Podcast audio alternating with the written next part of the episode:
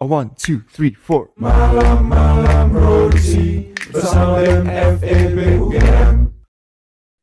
Malam-malam produksi by BEM FEB UGM. Halo semua BEMizen. Kembali lagi bersama Fabian di sini dalam segmen follow up. Nah, buat Bemisen sendiri yang mungkin belum tahu follow up ini apa, jadi follow up di sini merupakan varian baru dari malam-malam produksi yang membahas khusus mengenai self development di berbagai bidang lomba, kompetisi atau organisasi yang biasanya diikutin sama anak-anak UGM khususnya FEB nih.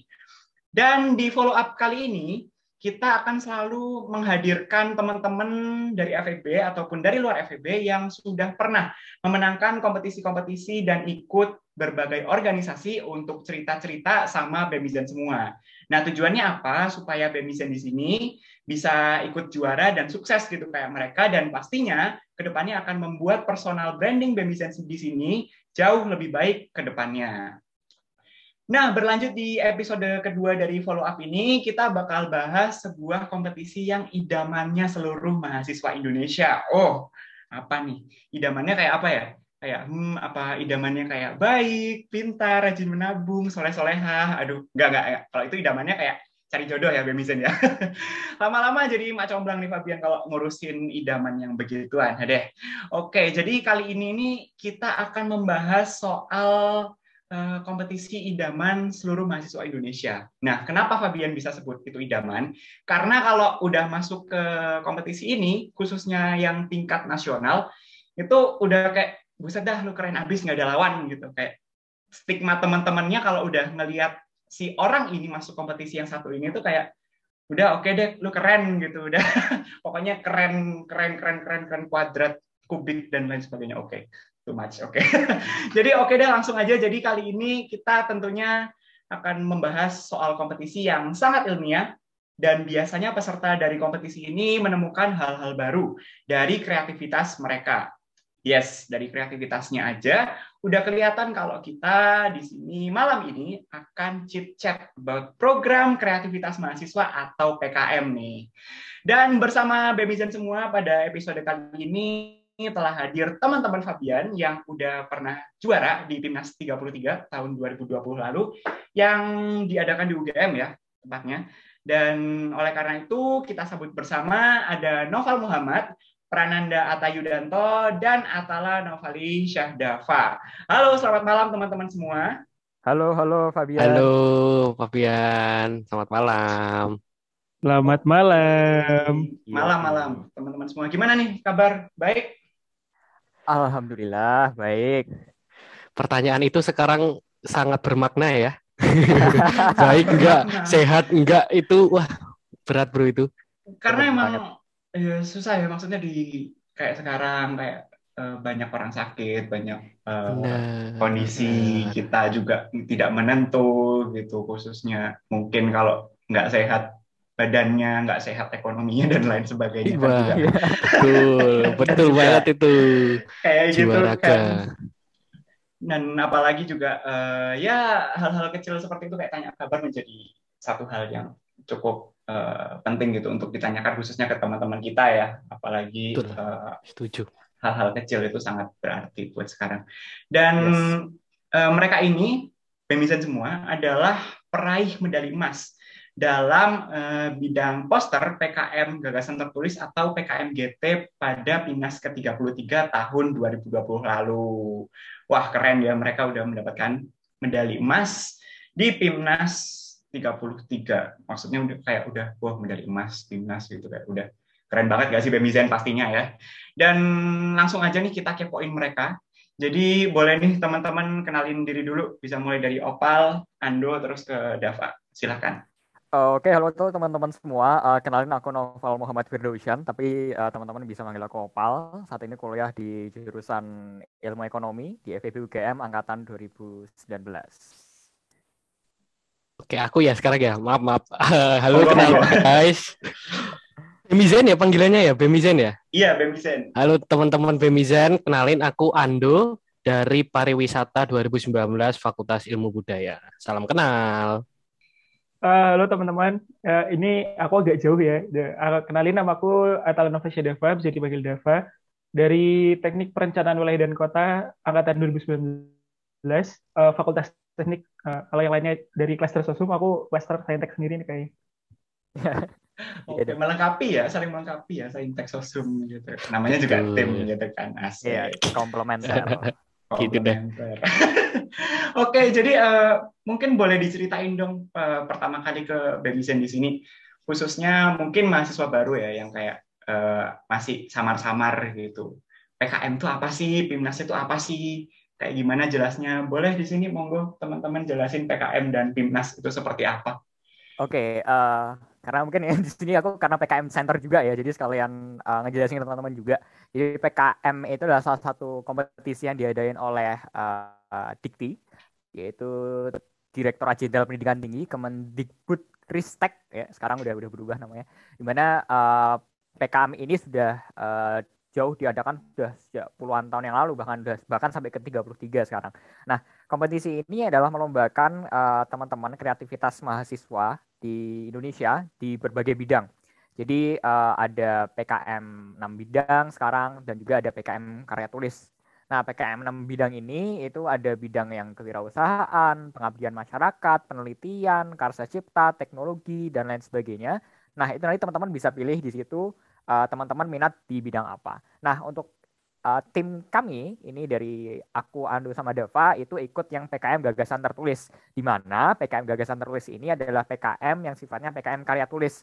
Nah, kalau PKM yang enam bidang tadi dia dapat pendanaan untuk pelaksanaan kegiatannya oleh Kemenristek Kemendikbudristek.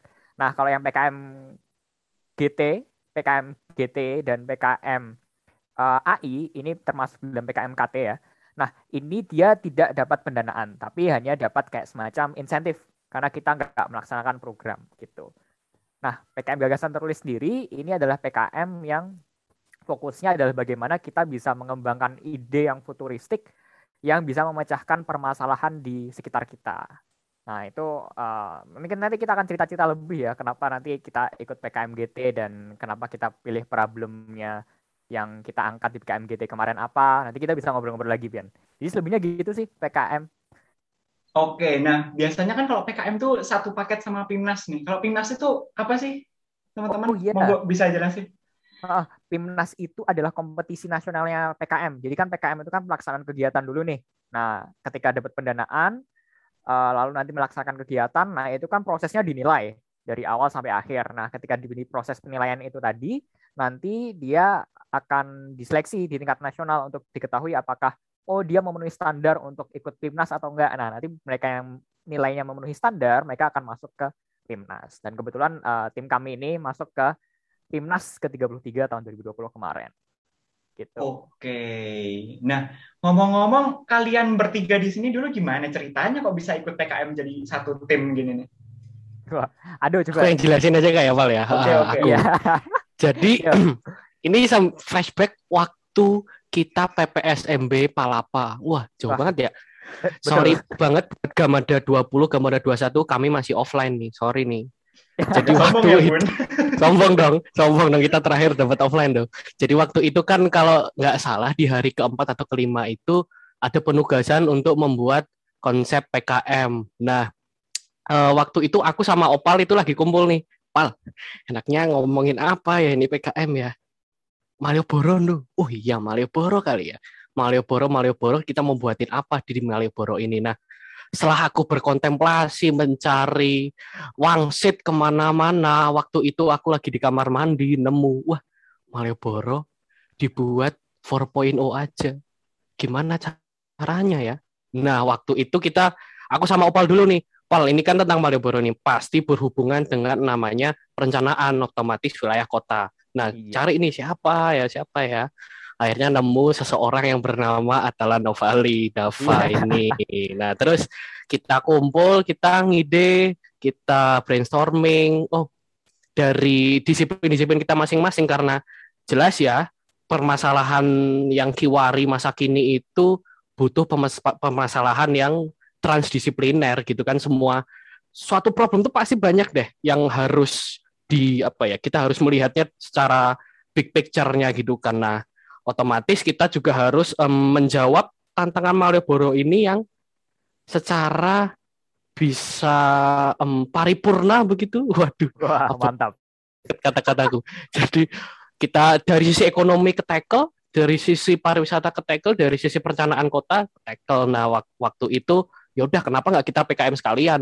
Ya udah kita gas, kita cari infonya, kita nulis, kita tanya sana sini, kita nyari pembimbing dan kawan-kawannya akhirnya jadilah kita begitu Fabian. Dan fun fact-nya adalah kita bertiga teman SMA, Bian. Oh, yes, betul. SMA atau kalau boleh tahu? SMA 8 Jogja. Oh, SMA Yoi. 8. Ya. Oke, mantap ya. Ini ini salah satu contoh Bemisen bahwasanya apa Eh, persahabatan itu eh, kalau eh, ditekuni itu akan menghasilkan sesuatu yang akan keren dan ini adalah contoh salah satunya nih. Nah terus aku agak kepo sama yang Malioboro-nya tadi. Nah Malioboro 4.0 ini gimana sih maksudnya kayak bisa dijelasin secara singkat nggak apa yang kalian kembangkan dalam konsep di Malioboro ini gitu? Nanti mungkin Dava akan nambahin dikit-dikit ya. Jadi Dava ini yang lebih lebih teknis ke perencanaan wilayahnya. Jadi di Malioboro itu kan eh, konsepnya kita ada tiga keresahan ya. Ada tiga keresahan yang kita ambil dari Malioboro. Pertama itu berkaitan dengan eh, nilai filosofis. Jadi Malioboro itu kan bagian dari nilai filosofis Jogja tuh, yang ada sumbu filosofisnya dari Tugu, Keraton sampai ke Panggung Kerapia. Itu kan ada kayak semacam filosofinya tentang kelahiran dan kematian manusia. Lalu yang kedua terkait dengan aduh kok aku lupa ya dulu. Gimana Monggo, Pak? Gimana gimana? Oke oke. Jadi secara ya, secara umum tuh Malioboro itu sekarang punya banyak problem teman-teman. Mulai Nah, ya dari itu. filosofinya kurang bisa diinternalisasi, teman-teman khususnya warga Jogja gitu ya, kurang apa sih filosofi di Malioboro itu apa? Pertama itu, kedua eh, kalau teman-teman pernah dengar bahwa di Malioboro itu mau jadi daerah pedestrian, yang mana Ah ya. pedestrian yang terkenal kayak di Orchard Road, terus kayak di mana ya? Ya itulah pokoknya teman-teman tahu. Nah, ini Malioboro mau dijadiin daerah pedestrian. Nah, yang lain itu adalah Malioboro menjadi pusatnya pariwisata Jogja. Kalau sering deh wisatawan Jogja tuh ngomong kalau wah belum ke Malioboro nih, belum ke Jogja berarti. Nah, itu Ya.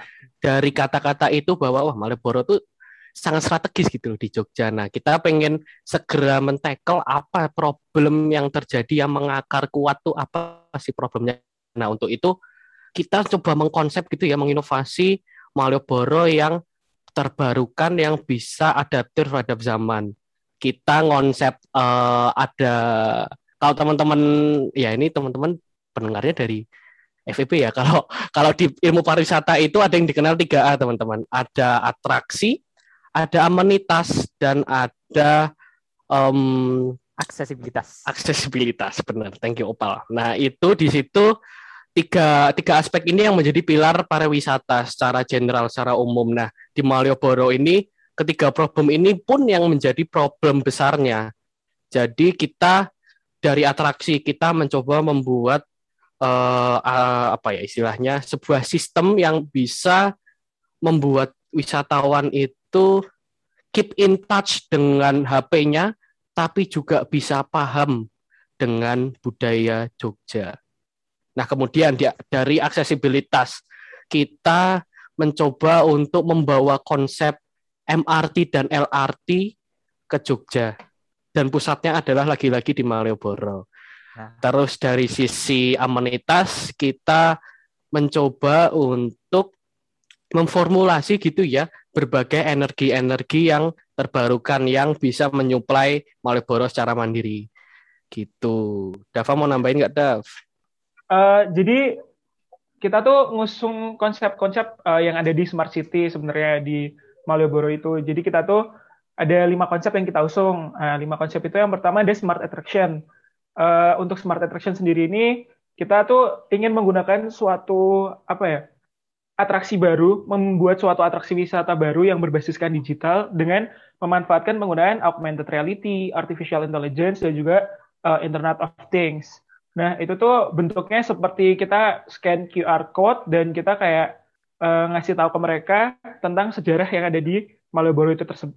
Jadi uh, Malioboro eh benar. Jadi atraksi wisatanya ini uh, kita scan QR code dan itu nanti bakal nampilin sejarah dari beberapa bangunan atau beberapa situs yang ada di Malioboro gitu. Setelah smart attraction, kita juga punya smart economy. Smart economy itu uh, konsepnya seperti e-commerce lokal. Jadi kita uh, menaruh beberapa produk yang ada yang dijual di Malioboro, terus kita kayak apa ya ngasih tahu di mana yang jual dan uh, harganya berapa, terus uh, stoknya berapa, itu juga kita bakal tahu jadi nanti ibaratnya kalau turis ke sana itu kita tinggal search gitu terus kayak klik terus oh ini dijualnya di sebelah sini. Jadi kayak jalan gitu kita tinggal ngikutin si jalannya gitu kan.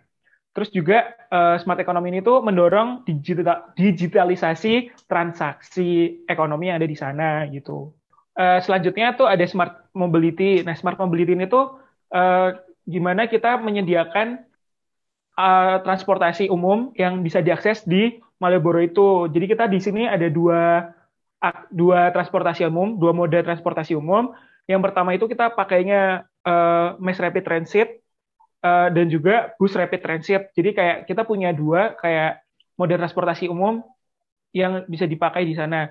Dan kita juga pakai uh, Smart Cycle, uh, itu semacam sepeda yang smart. Kayak kalau kita tahu mungkin semacam Grab Wheels kalau kalian tahu yang ada di kalau di Jogja sih ada di Hayat. UGM gitu ya. Di UGM dulu ada. Dulu di UGM dulu ada, ada kan? Enggak sih, dulu ada. Sebelum Ingat. Covid ya kan. Yeah. Sebelum Covid banget tuh ada kan Grab Wheels. Nah, kita pengen pakai kayak gitu. Jadi kayak karena kan uh, rencananya besok itu di sana bakal car free kayak bener-bener cuma transportasi umum yang boleh masuk gitu. Dan untuk menyiasati biar uh, sumbu filosofisnya itu tidak kepotong sama si jalur transportasi ini. Jadi kita pakai itu uh, pakai dua stasiun yaitu stasiun MRT Barat dan stasiun MRT Timur. Itu di konsep kita seperti itu. Uh, terus selanjutnya ada smart environment. Smart environment ini tuh semacam detektor atau semacam chip yang ditanam dalam tanaman yang ada di Malioboro untuk uh, meneliti kualitas atau memantau lah ibaratnya bukan meneliti tapi memantau kualitas fisiologis dari tanaman-tanaman yang ditanam di Malioboro. Nanti mungkin Opal bisa nambahin ya yang tanaman-tanaman spesifik yang ditanam di Malioboro itu. Uh, terus uh, untuk yang terakhir itu ada smart energy. Smart energy ini tuh jadi kita pengen Malioboro itu tuh bisa mandiri energi tanpa uh, bergantung pada sumber lain gitu loh. Jadi kita di situ memanfaatkan panel surya yang terpasang di bangunan-bangunan gedung di Malioboro. Terus juga ada uh, pembangkit listrik tenaga air yang kita manfaatin dari uh, beda energi potensial dari limbah air yang ada di sana gitu. Jadi kayak limbah air dikumpulin terus dibuat muter turbin, kan gitu. Dan juga ada uh, nama itu piezoelektrik, itu semacam uh, penghasil listrik yang dihasilkan dari uh, tekanan. Jadi kayak orang jalan, mobil gerak, mobil lewat itu tuh nanti bakal uh, kedeteksi dan akan menghasilkan listrik gitu. Itu sih paling kalau dari aku nambahin. Oke. Nah, mau nambahin dikit kali ya. Hmm. Nah, jadi uh, yang tadi dikatain Dava, ada kita ada lima smart tadi itu. Nah, tidak tidak hanya kita memasukkan unsur teknologi di sana ya. Kan tadi ada ada banyak ya ada elektrik terus ada kayak semacam chip detektor untuk di tumbuhan dan lain sebagainya. Tapi kita juga memasukkan unsur budaya di dalam sana. Misalnya uh, smart environment misalnya. Nah di Malioboro itu sebenarnya ada kayak semacam pohon yang khusus ditanam di Malioboro. Misalnya pohon uh, sawo kecil. Nah pohon sawo kecil ini adalah pohon yang dia biasanya ditanam di eh, jalan-jalan uh, di Malioboro. Nah, kita mencoba untuk mengembalikan dengan menanam pohon-pohon yang uh, semacam pohon sawo kecil itu supaya nanti kembali lagi filosofis dari Malioboro itu juga uh, dapat dan kembali lagi seperti yang dulu-dulu.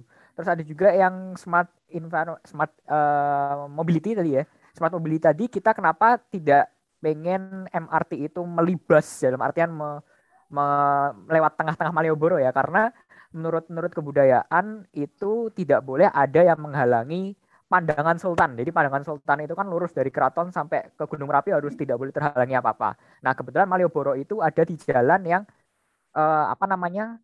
masuk ke pandangan sultan. Jadi kalau misalnya ada MRT naik di sana kan itu nggak boleh secara pakemnya ya. Jadi kita coba untuk mengembangkan MRT yang secara konsep itu adalah di MRT bawah tanah. Makanya kita ada MRT Timur dan MRT Barat. Gitu, Fabian. Oke, jadi uh, masih mengutamakan uh, kebudayaan-kebudayaan yang sekiranya tidak boleh dilanggar seperti itu ya di yes, untuk betul. konsep di sini ya. Yo, ya. sesuai locally rooted, globally respected.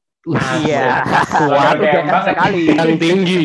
Yo, Jadi uh, kita tahu ya juga bahwasannya sumbu filosofis ini jadi salah satu isu yang penting gitu di Jogja untuk menghubungkan keraton, terus uh, ke utara sampai ke Gunung Merapi, juga ke selatan sampai ke Gunung eh sampai ke apa namanya Skoro Kidul gitu ya. Nah terus di sini karena tadi kan ya kita tahu bersama bahwasannya uh, ide-ide yang kalian gagas itu ide-ide yang cukup luas gitu loh dan uh, mungkin belum pernah terpikirkan sebelumnya karena uh, saat mungkin saking mendalamnya gitu.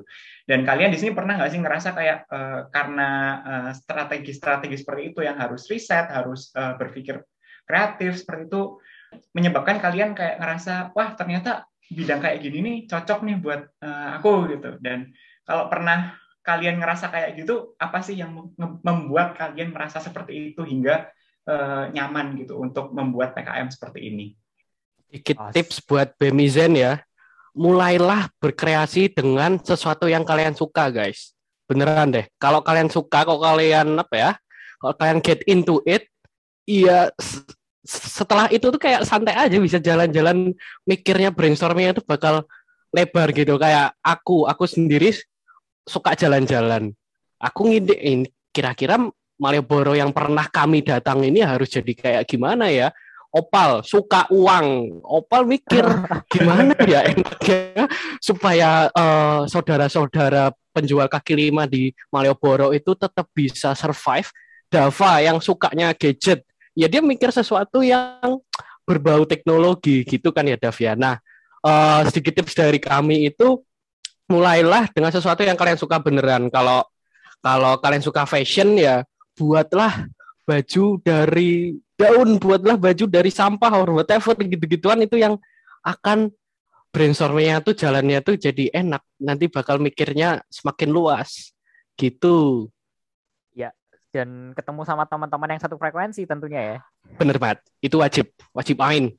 Iya, jadi justru ketika kita ketemu sama teman-teman satu frekuensi jadi ide-ide yang sebenarnya terkesan sederhana kalau kita diskusikan brainstorming itu kan jadi ide yang cukup luar biasa ya intinya kan ide Malioboro kan sebenarnya sederhana kita kayak pengen buat Malioboro 4.0 udah kan sebenarnya gitu doang cuma hmm, karena kita bener. ada Ando, ada Dava yang dia punya kompetensi di bidangnya masing-masing, misalnya pariwisata, PWK, dimasukin jadi satu, ya jadilah ide Malioboro 4.0.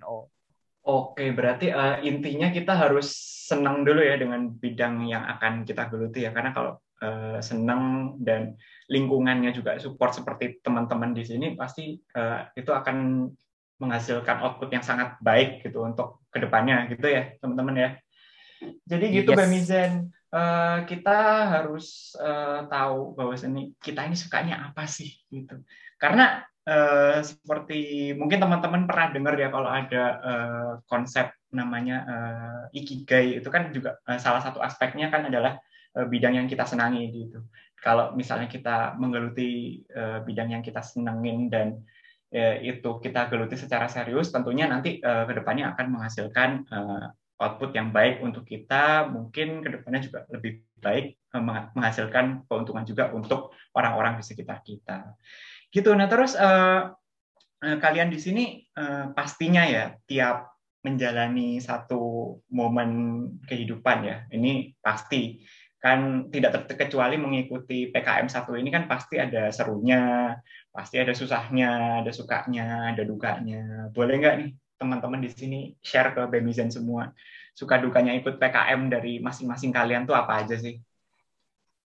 Apa? Opal dulu opal dulu. Waduh. Opal dulu ini yang cukup problematik nih mas. Opal ini loh. Aduh. Tolong. Oke. Okay. uh, eh, ya. Uh, sebenarnya ada banyak hal ya yang terjadi selama PKM karena kan kita kan sempat digantungin ya doh Dav. Untuk timnas terutama. Benar, nggak jelas tuh dulu ya. masih corona masih awal-awal kan, covid lagi awal-awal tuh. Jadi nggak ada kepastian dari Kemenristek Dikti waktu itu untuk kayak semacam PKM Timnas ada nggak ya, Timnas ada nggak ya gitu. Jadi kayak kita ya udahlah kita udah submit, kita udah melakukan yang terbaik intinya ya udah kita pasrah deh. Eh ternyata tiba-tiba muncul pengumuman insentif, dapat insentif, ya. Terus terus apa namanya masuk ke Pimnas dan itu nggak nggak disangka-sangka banget. Kita bahkan kita bahkan kayak kaget gitu loh. Waktu aku nge-share pengumumannya Ando lagi ngapain, Dava lagi ngapain. Ya itulah sukanya ya. Dukanya, dukanya apa? Banyak nih. wah, dukanya ada banyak ya. Jadi kayak ya semacam tahun 2019 akhir kan eh, ayahku nggak ada meninggal. Jadi kayak semacam ya pukulan berat mungkin ya waktu itu sehingga waktu Pimnas kemarin ya salah satu persembahan medali emas adalah buat ayah tercinta ya. Jadi ya itu itu cukup cukup eh, menjadi motivasi banget ya untuk dapat medali waktu itu karena ya ya mencambuk sekali gitu. Iya. Sambut semangat gitu ya, Pak ya. ya, Betul, betul, betul. Mungkin ya dari begitulah. eh, Dava atau Ando mungkin suka dukanya apa? Apa dulu nih? Dava, Dava. Boleh deh, Dav. Sukamu apa, Dav? Kalau dari aku ya, kalau aku dari aku sendiri tuh em, untuk sukanya yang pasti ini tuh kompetisi nasional pertama aku sih waktu itu waktu kita ngerjain Bimnas itu. Karena sebelumnya emang aku tuh nggak tertarik untuk mengikuti yang namanya ke- kejuaraan olimpiade atau semacamnya semacam eh, kompetisi-kompetisi gitu. Karena emang aku tuh anaknya tuh yang eh, apa ya kalau bisa dibilang cukup banget waktu SMA karena waktu SMA itu ya cuma main sama temen cuma habis itu pulang nggak nggak yang mengembangkan diri dengan baik gitulah pokoknya. Terus waktu kuliah kan terpacu tuh kayak "Wah, kuliah ngapain ya? gitu kan. Terus akhirnya dapat tawaran dari mereka berdua ini terus ayo guys gitu kan.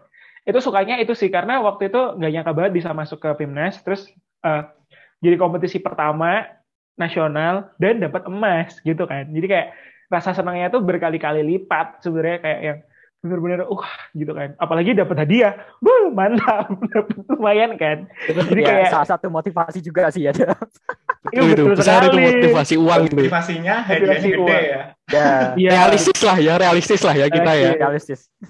realistis Terlalu, banget guys. pokoknya kita tuh emang kompetisi kalau nggak cari duit tuh cari apa sih sebenarnya orang-orang gitu kan kayak kita lihat mungkin kompetisi yang hadiah di bawah sejuta tuh dikit gitu loh yang yang ikut kayak ya males deh dikit doang gitu. Kayak capek gue gitu kan misalnya terus sukanya lagi adalah jadi bisa lebih deket lagi sama Ando dan juga Opal. Karena sebenarnya aku tuh sama Ando itu waktu SMA nggak deket banget nggak sedekat itu. Kalau sama Opal deket dari SMP karena kebetulan kita satu SMP kan. Jadi kayak eh, Iya. bener-bener yang aku deketnya tuh awalnya cuma sama Opal doang. Terus tiba-tiba ketemu Ando tuh kayak ternyata kita satu frekuensi juga gitu kayak kita bisa ngobrol bareng kita bisa sharing-sharing banyak hal gitu loh. Sampai sekarang gitu sih. Terus kalau untuk dukanya adalah yaitu waktu aku ngeiyain itu seminggu setelahnya itu kan habis uas ya aku ngeiyain bahwa oke aku ikut PKM yuk sama kalian gitu. Waktu itu aku bilang gini aku ikut PKM aja nggak apa-apa deh aku tuh nggak sibuk kok gitu kan. Ternyata seminggu setelahnya dukanya adalah itu pas banget osjur itu lagi eh, puncak-puncaknya. Jadi kayak ada semacam aspek jurusan yang lagi puncaknya gitu kayak penugasan banyak banget. Jadi kayak ngebagi tugasnya tuh kayak "Hah, bingung bingung bingung gitu. Kayak yang Panik ya.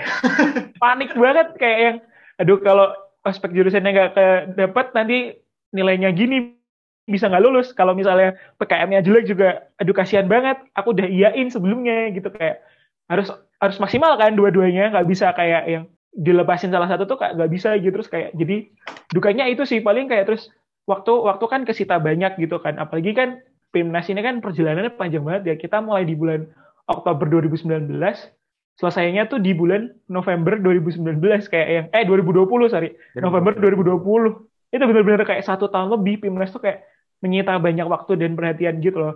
Tapi ya duka itu bisa terobati dengan suka yang kita dapetin itu sih sebenarnya Yes. Oh, Iya, iya ma- banget. mantap banget sih teman-teman ini maksudnya awalnya eh yang tadi katanya Dava ya bahwasannya eh, si Dava sama si Ando ini nggak terlalu dekat gitu di SMA terus tiba-tiba eh, ketemu Ando, jadi uh, bisa nambah teman yang sefrekuensi, bisa ikut uh, PKM seperti ini, nambah produktivitas, dan tentunya menghasilkan cuan. Betul nggak sih teman-teman? Oh, betul banget. Cuan, cuan dong, realistis lah ya kita lah ya.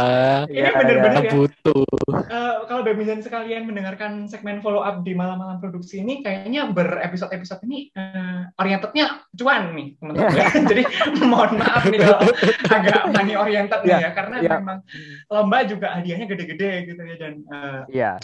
istilahnya apa ya bisa uh, bisa mensejahterakan kita semua kalau ikut lomba yeah. gitu ya betul betul kayak, bener kayak, ya, belum belum kayak insentif dari UGM kan juga dapat kan terus ditambah exposure-nya apalagi Ando kan iya. Ando di FIB jadi mas-mas panggilan untuk narasumber PKM iya.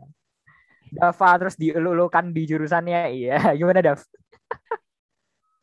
Itu itu bener sih. Itu kayak ada satu kakak tingkatku. Itu tuh kayak wah gila influencer influencer gitu kan. Kayak kayak rasanya itu gimana ya? Malu-malu gimana gitu.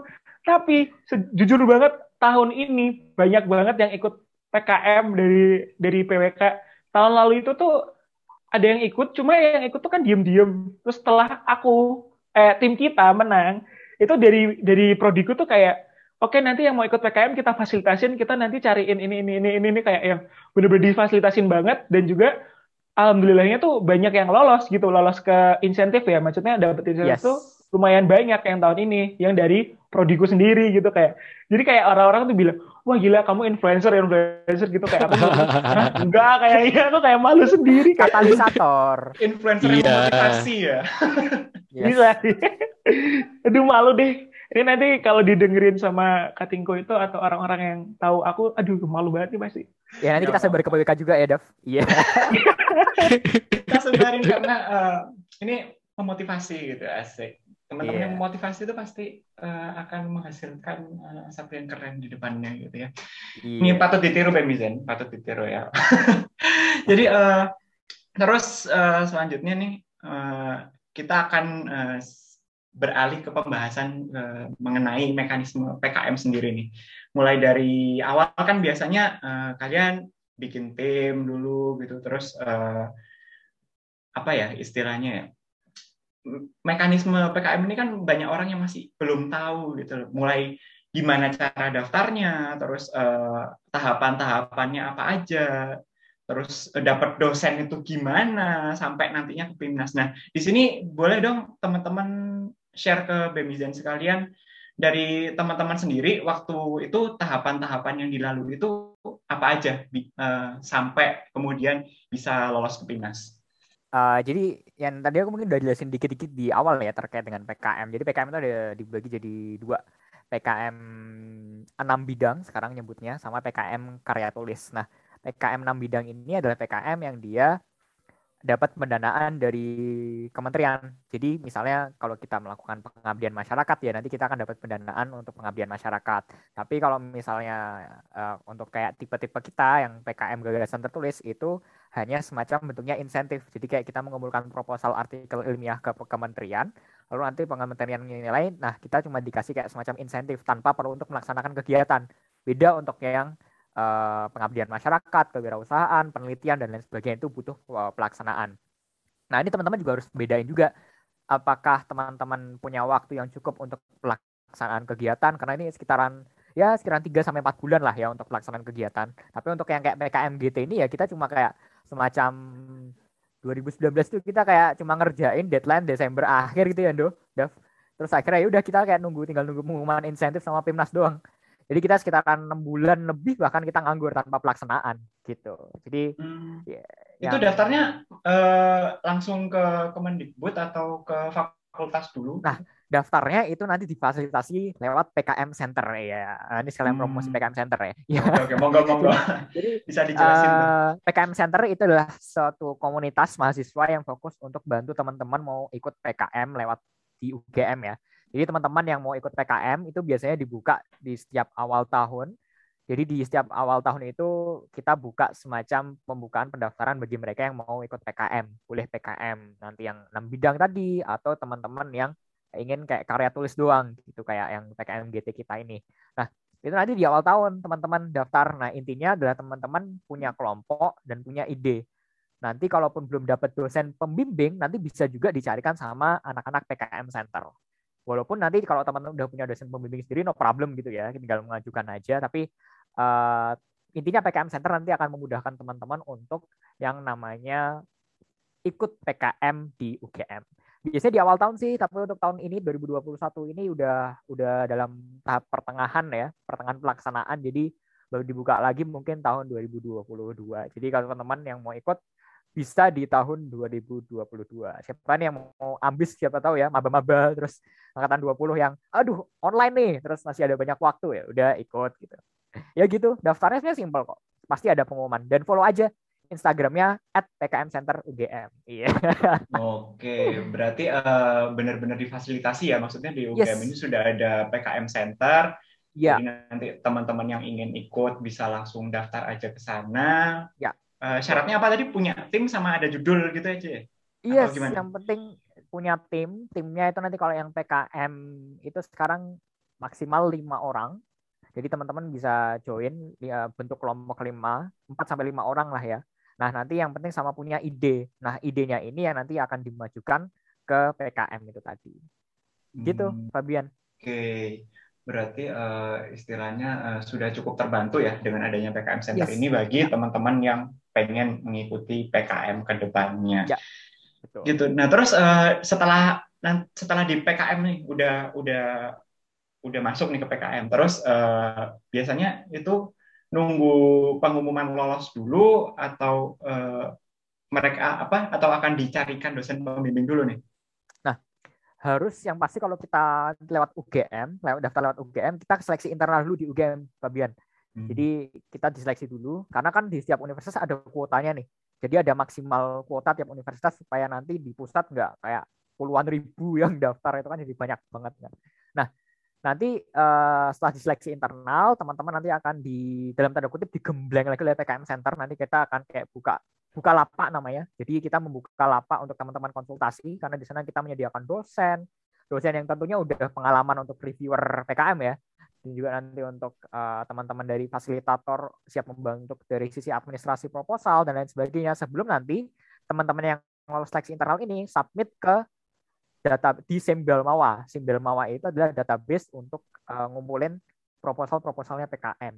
Gitu. Jadi setelah di Simbel Mawa itu masuk, nanti akan ada seleksi lagi dari seleksi dari kementerian. Nah, baru nanti yang PKM 6 bidang itu akan diketahui siapa-siapa aja yang dia lolos untuk dapat pendanaan dari kementerian. Karena yang dapat pendanaan ini juga belum tentu untuk lolos timnas. Jadi seleksinya panjang banget ceritanya ini tuh.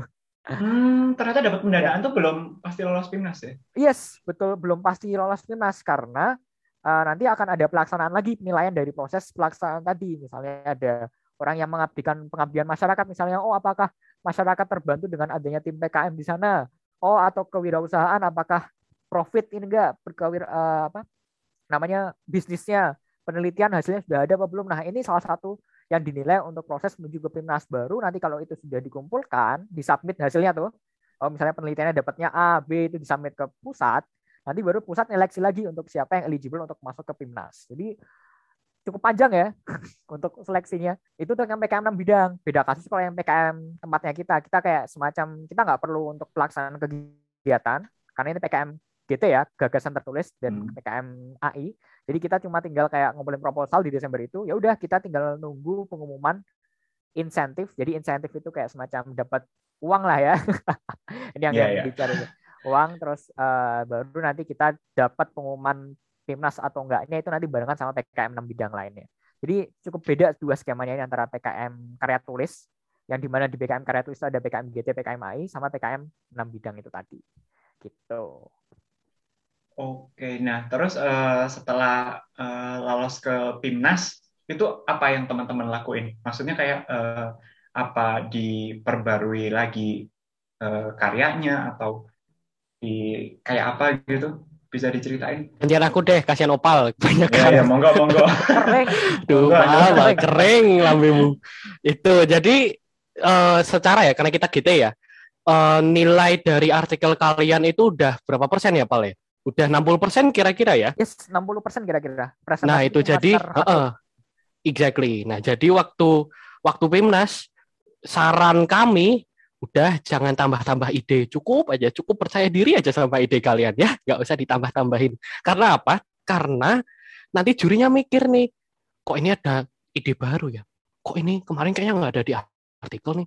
Wah ini kayaknya mama mama. Nah, hal itu bisa aja mengurangi nilai kalian guys. Jadi lebih baik percaya diri sama ide, kalian persiapkan poster, persiapkan presentasi, ikutin jadwalnya PKM Center, siap-siap untuk dimarahin sana sini, siap-siap untuk revisi, siap-siap latihan siang malam 24 per 7, Yes. siap-siap hal-hal itulah pokoknya.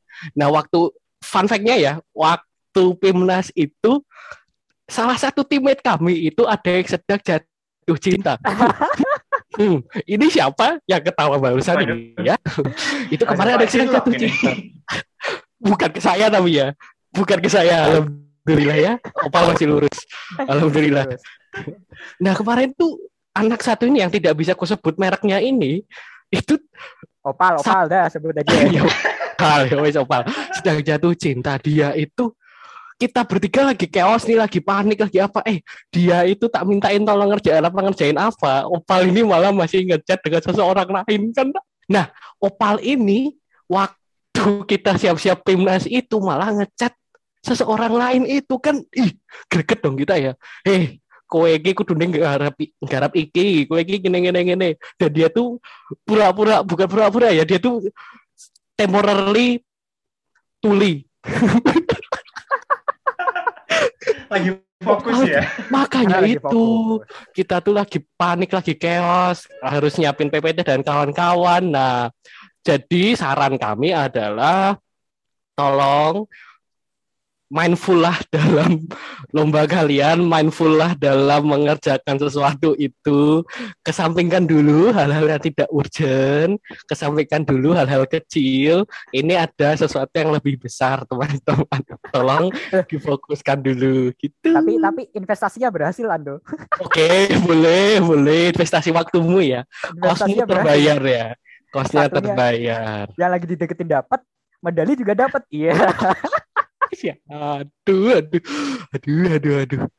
Gitu. Jadi ya, emang waktu mau Pimnas itu udah kalian dengarkan apa saran-saran dari PKM Center, tetap all ears lah terhadap dosen-dosen, terhadap reviewer, terhadap pembimbing juga, jangan lupa. Betul, betul. Dan betul. latihan. Asah terus. Gitu. Mm-mm. Nah, takutnya nanti kalau ngubah-ngubah ide malah jadi celah untuk pertanyaan di presentasi biasanya. Nah, oh ternyata berarti dari penjelasan Ando tadi tetap harus eh, keep on point dengan apa yang sudah kita ajukan di awal ya. Maksudnya jangan keluar jalur gitu ya. Karena kalau keluar jalur takutnya di situ eh, akan menjadi bumerang untuk kita di presentasi ke depannya gitu ya Ando ya. Bener banget. Nah, itu eh, biasanya yang mempengaruhi seperti itu itu apa dari kelompok lain apa gimana gitu kok bisa eh, mungkin kepengaruh kayak gitu atau mungkin dari dosennya nambah-nambahin gitu. Biasanya itu karena apa ya? Karena udah Karena diri sendiri sih. Bener jujur deh. Iya. Waktu dulu itu kita kepikiran banyak gitu loh tiba-tiba. Karena merasa belum cukup di proposal, karena merasa, wah ini harus tambahin ini, ini harus ini, harus ini. Kita tuh kayak tidak meng, state border kita sendiri. Kita tidak memberi batasan terhadap ide kita sendiri. Yang padahal itu sangat penting. Ya kita tetap harus memberi batasan dong. Dari mana sampai mananya ide kita ini. Dari mana sampai mana. Mungkin kalau kalian penelitian ya jelas sudah harus ada batasan masalahnya dan kawan-kawannya gitu. Nah yang mana kalau kita terlalu apa ya toxically pengen kreatif kreatif yang toxic nah ini jadinya kayak apa ya kok jadi kita tuh berpikirnya terlalu luas dan itu sangat malah bumerang itu tadi menyusahkan gitu ya karena memang terlalu luas Benar. gitu ya. bener Ya. lagi pula juga bener katamu Fabian tadi kita ngelihat tim lain kita lihat ide lain wah bisa tuh amati tiru modifikasi wah tapi ya lagi-lagi udahlah percaya diri aja sama ide kalian gitu kasus ini tidak berlaku. tapi enggak kok Kak. kita enggak sih Oh, kita enggak Oke, berarti eh, istilahnya kita tetap harus eh, menerapkan boundaries ya dalam kreatif kreativitas kita. Walaupun namanya kreativitas, tapi juga harus tetap ada batasnya supaya uh, cakupan penelitian kita bisa jelas gitu, teman-teman BEM semua. Dan kemudian uh, di sini teman-teman kan juaranya uh, poster ya, maksudnya medali emas di bidang poster gitu. Apa teman-teman di sini juga uh, masih harus mempresentasikan poster itu ke juri atau nggak dipresentasikan atau dikumpulin aja? Nah, uh, untuk pertanyaan Fabian yang barusan ini, uh, jadi kan kita adalah ya tahu ya angkatan corona, kita waktu itu lagi online. Nah, kalau yang offline itu ada dua guys presentasinya. Ada yang presentasi poster dan ada yang presentasi presentasi gimana nyebutnya presentasi hmm. PPT yeah. sebut saja seperti itu nah waktu yang presentasi poster itu nanti teman-teman digabungin di satu hall kalau UGM konteksnya gitu di GSP terus kita nanti jurinya muter tuh ditanyain uh, berbagai halnya. Nah kita harus pintar-pintar jawab. Tidak dengan PPT nah jadi kita cuma bisa berbekal si poster itu dan ya kita jelasin apa yang ada di poster itu. Sedangkan yang PPT ya jelas lah kayak presentasi di kelas biasa kita presentasi. Nanti ada tanya jawab nanti di timer dan kawan-kawannya. Makanya salah satu hal yang penting menurut aku di poster kalian itu harus sangat informatif. Itu salah satu kuncinya sih di mana proposal kalian yang berlembar-lembar itu laporan ke penelitian kalian yang berlembar-lembar itu harus bisa dituangkan dalam 80 kali 100 cm itu kan sesuatu yang menurutku challenging ya. Nah, itu salah satu yang risky di poster ini. Nih kalian harus bisa se seberapa informatifkah poster kalian itu yang menjadi nilainya? Dan seberapa uh, kuat dari warnanya, kuat dari apalagi ya, kuat dari uh, modelnya begitu ya. Model apa ya? Bisa disebut apa ya? Kayak uh, skemanya mungkin. Nah itu yang harus bisa divisualisasi dengan baik. Dengan ini konteksnya presenta apa poster. Nah itu yang patut kalian dengarkan dari reviewer guys. Gitu. Oke, nah terus uh, ketika jurinya, berarti di sini teman-teman mengalami jurinya yang muter-muter niatin poster teman-teman itu ya? Kebetulan enggak, karena oh, enggak. kita on, on, online kan, jadi dulu itu hanya kita posternya dicetak saja dan dicetak terus dipamerkan di GSP. Nah, kebetulan kita nggak boleh ke tempat, jadi hanya juri saja yang boleh untuk melihat posternya. Jadi kita kehilangan kesempatan dalam tanda kutip untuk mempresentasikan posternya. Hmm. Gitu. Terus uh, uh, feedback dari juri waktu itu seperti apa? Untuk poster nggak sejauh ini nggak dipublikasikan sih ya untuk yang feedback untuk yang poster karena kan kita juga remote nggak nggak nggak di tempat jadi kita nggak tahu komentar juri hmm, berarti tinggal uh, tinggal disubmit gitu ya maksudnya hmm, hmm, hmm. oh gitu oke okay. berarti uh, kalau misal nih uh, kan mas sebelum dikumpulkan pun uh, kalian tetap uh, mempresentasikan itu either ke PKM Center atau ke ke dosen-dosen sebelumnya nggak sih maksudnya kayak kalian pernah mempresentasikan itu ke depan pihak lain nggak? Uh, jadi waktu itu uh, kita secara nggak langsung tuh udah menampilkan itu ke dosen dan dari PKM Center sih. Soalnya kan kita waktu itu di review ya, kayak uh, kekurangan-kekurangan apa yang bisa diperbaiki sebaik mungkin dari kita. Waktu itu kita di review sama Pak Maun. Uh, waktu itu juga kayak dikasih masukan-masukan, oh ini coba dikasih skemanya lebih kompleks lagi, lebih ini lagi. Jadi kayak dari dosen pembimbing kita sendiri tuh kayak uh, di apa ya dibagusin lagi kayak jadi kita tuh kayak ibaratnya waktu kita kumpulin tuh udah jadi base-nya kita gitu loh yang terbaiknya dari kita sih. Itu sih. Oke berarti uh, istilahnya pertama kalinya mendapatkan feedback dari dosen itu supaya uh, matang gitu ya konsepnya ya dan nantinya ke depannya bisa uh, lebih baik gitu. Dan uh, mungkin uh, sedikit di sini ternyata kita udah uh, agak lama juga ya ternyata ngobrolnya ya sama Opal Andrew sama Dava ini. Nah di sini mungkin teman-teman dari PKM GT ya, teman-teman sendiri punya uh, kayak standar gak sih ngelihat PK ngelihat mungkin tim-tim yang lain pada saat berkompetisi? Kayak PKM GT yang menarik banget atau mungkin baik di mata juri itu yang seperti apa sih gitu bisa diceritain nggak dari aku ya hmm.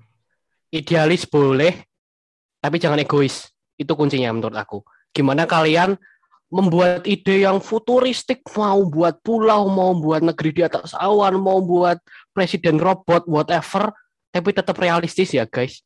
Kuncinya itu. Mau kalian uh, tadi yang aku bilang things out of the box itu boleh, cuman tetap realistis kuncinya. Karena dari yang kita lihat ya pengalaman kita, pemenang-pemenang dari PKM GT itu idenya tidak terlalu brilian tapi realistis dan berdampak kuncinya itu sih gimana kita harus bisa memilih atau menganalisis SDGs dan bisa menerapkannya ke langsung ke dunia kita ini gimana um, inovasinya jalan dampaknya jalan tapi tetap bisa dilakukan itu uh, juga ini sih mungkin ide yang kita buat itu tuh applicable di beberapa tahun dari sekarang jadi ide kita tuh ibaratnya uh, 23 tahun 10 tahun ini dalam jangka waktu itu tuh bisa diaplikasikan gitu loh. Gak expired banget gitu. Mungkin sekarang kan kita tahu ya teknologi itu kan cepat banget tuh berkembangnya. Jadi kayak kita tuh mikir idenya tuh bener-bener yang uh, bukan jangka jangka menengah lah ibaratnya, bukan yang pendek banget, bukan yang panjang banget. Karena kalau mungkin idenya baru bisa diterapin 60 tahun kemudian, mungkin teknologi yang kita tahu sekarang itu tuh udah beda lagi gitu loh. Kayak bener-bener yang uh, cepat banget gitu kan jadi kayak oke okay, kita uh, jangka jangka jangka waktunya itu yang menengah gitu aja sih Oke, berarti uh, istilahnya harus realistis ya, realistis dan uh, bisa nggak out of dated gitu ya dari PKM GT itu sendiri. Nah mungkin uh, teman-teman di sini uh, secara umum ya karena mungkin nanti ya istilahnya mahasiswa kan nggak semuanya ikut PKM GT gitu. Mungkin teman-teman di sini ada tips and trick nggak bagi uh, mungkin Bemizen sekalian di sini yang mau ikut PKM gitu. Mungkin khususnya maba-maba nih yang nanti uh, ingin ikut PKM ini. Ada tips and trick, monggo bisa di-share nih teman-teman. Wah, mungkin tadi udah sedikit-sedikit disampaikan di awal ya yang penting itu adalah yang pertama nemu partnernya dulu. Oke, okay, partner is most important. Ya, Gimana tuh, Pak? Kenapa? Karena karena partner ya untungnya aku ketemu Dava, ketemu Ando, jadi partner yang saling nyambung karena kalau kita nggak nemu partner yang saling melengkapi, yang satu frekuensi, itu kita untuk mengembangkan idenya itu rada susah. Misalnya kayak uh, idenya dari hanya Ando saja, misalnya kita Malioboro mau dibuat pariwisata yang futuristik sekian sekian sekian tapi kalau misalnya dia tidak memperhatikan aspek perencanaannya, tidak memperhatikan aspek ekonomi, ya kan sama. Kan idenya terlalu kayak semacam itu tadi balik lagi kata Ando terlalu egois dan kutip ya. Gimana menurut Mundo? Bener. Itu juga salah satu yang kalau nyari tim jangan egois juga. jangan egois bener deh.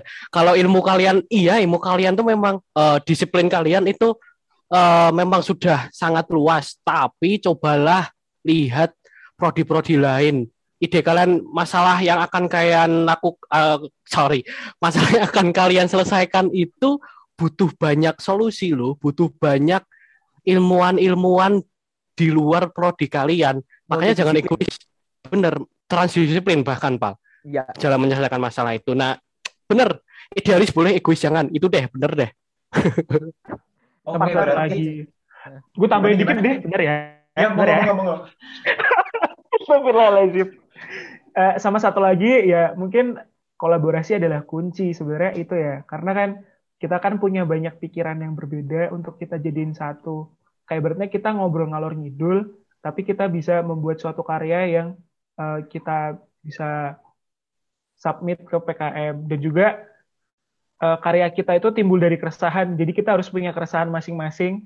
Kayak berarti keresahan yang sama tapi dengan sudut pandang yang berbeda gitu loh. Kayak oke okay, keresahan ini kita bisa solve bareng-bareng, kita bisa idein bareng-bareng, bisa kita inovasiin bareng-bareng, dan jadilah sebuah karya yang menarik dan keren lah, ibaratnya gitu. Mantap. Oke, gitu berarti uh, apa? Monggo gimana gimana Pak? Mau nambahin? Ya, aku cuma bilang mantap sih. Iya. Yeah. Emang mantap nih uh, narasumber kita malam ini Bang Mizan karena uh, istilahnya dengan kita menemukan partner yang tepat kita bisa uh, istilahnya nggak nggak gengsi gitu ya maksudnya kita bisa ngeluarin oh ide kita gini ide kita gini gitu kayak bisa let it flow aja apa yang ada di pikiran kita dan bagusnya itu akan menjadi satu uh, ide yang bagus kalau diterapkan di uh, PKM ini ke depannya gitu. Dan uh, mungkin dari teman-teman di sini karena kita juga udah lama juga, jadi bisa uh, Fabian ambil kesimpulan bahwasannya di sini PKM merupakan salah satu kompetisi yang membutuhkan kreativitas, tingkat berpikir serta gagasan yang bermanfaat bagi banyak orang di luar sana. Nah, Fabian ngucapin tetap semangat buat teman-teman Bemizen sekalian yang pengen banget ngembangin dirinya di PKM ini. Bisa mungkin kayak kata Opal tadi, follow PKM Center UGM, eh, lihat info-infonya lebih lanjut, uh, pendaftarannya dibuka kapan, terus bisa juga kayak kata Ando tadi, mulai cari partner yang sekiranya bisa uh, mendukung uh, keinginan Bemizen di sini untuk men mensuplai idenya menjadi sebuah gagasan yang baik dan uh, nantinya syukur-syukur bisa lolos ke tahap-tahap uh, selanjutnya dari PKM ini. Gitu. Jadi uh, atas nama kru malam-malam produksi, Fabian di sini mengucapkan terima kasih kepada Opal, Ando, dan Dava yang sudah bersedia hadir dan memberikan inspirasi pada Bemizan semua di episode kali ini. Terima kasih teman-teman sudah hadir di sini. Eh, semoga eh, dapat memberikan inspirasi secara lebih luas gitu ya nantinya. Enggak hanya di FEB aja, mudah-mudahan juga sampai UGM dan sampai luar UGM. Gitu. Makasih banyak ya teman-teman ya. Yoi. Thank you juga teman-teman BEM. Thank you banget sudah diundang. Yes. Ya, makasih banyak sama-sama tadi ya. Ya, ya. Sama-sama juga, sama-sama. Sama-sama. Sama-sama juga. Jadi uh, dan menutup episode kali ini Fabian cuma mau bilang keep safe, keep healthy, pakai maskermu, cuci tanganmu, jaga jarakmu, and go get your vaccine. Langsung dari Yogyakarta, saya Fabian Kurniawardana dari Departemen Media dan Informasi BEM FEB UGM beserta tim undur diri. Sampai jumpa pada episode malam-malam produksi yang berikutnya.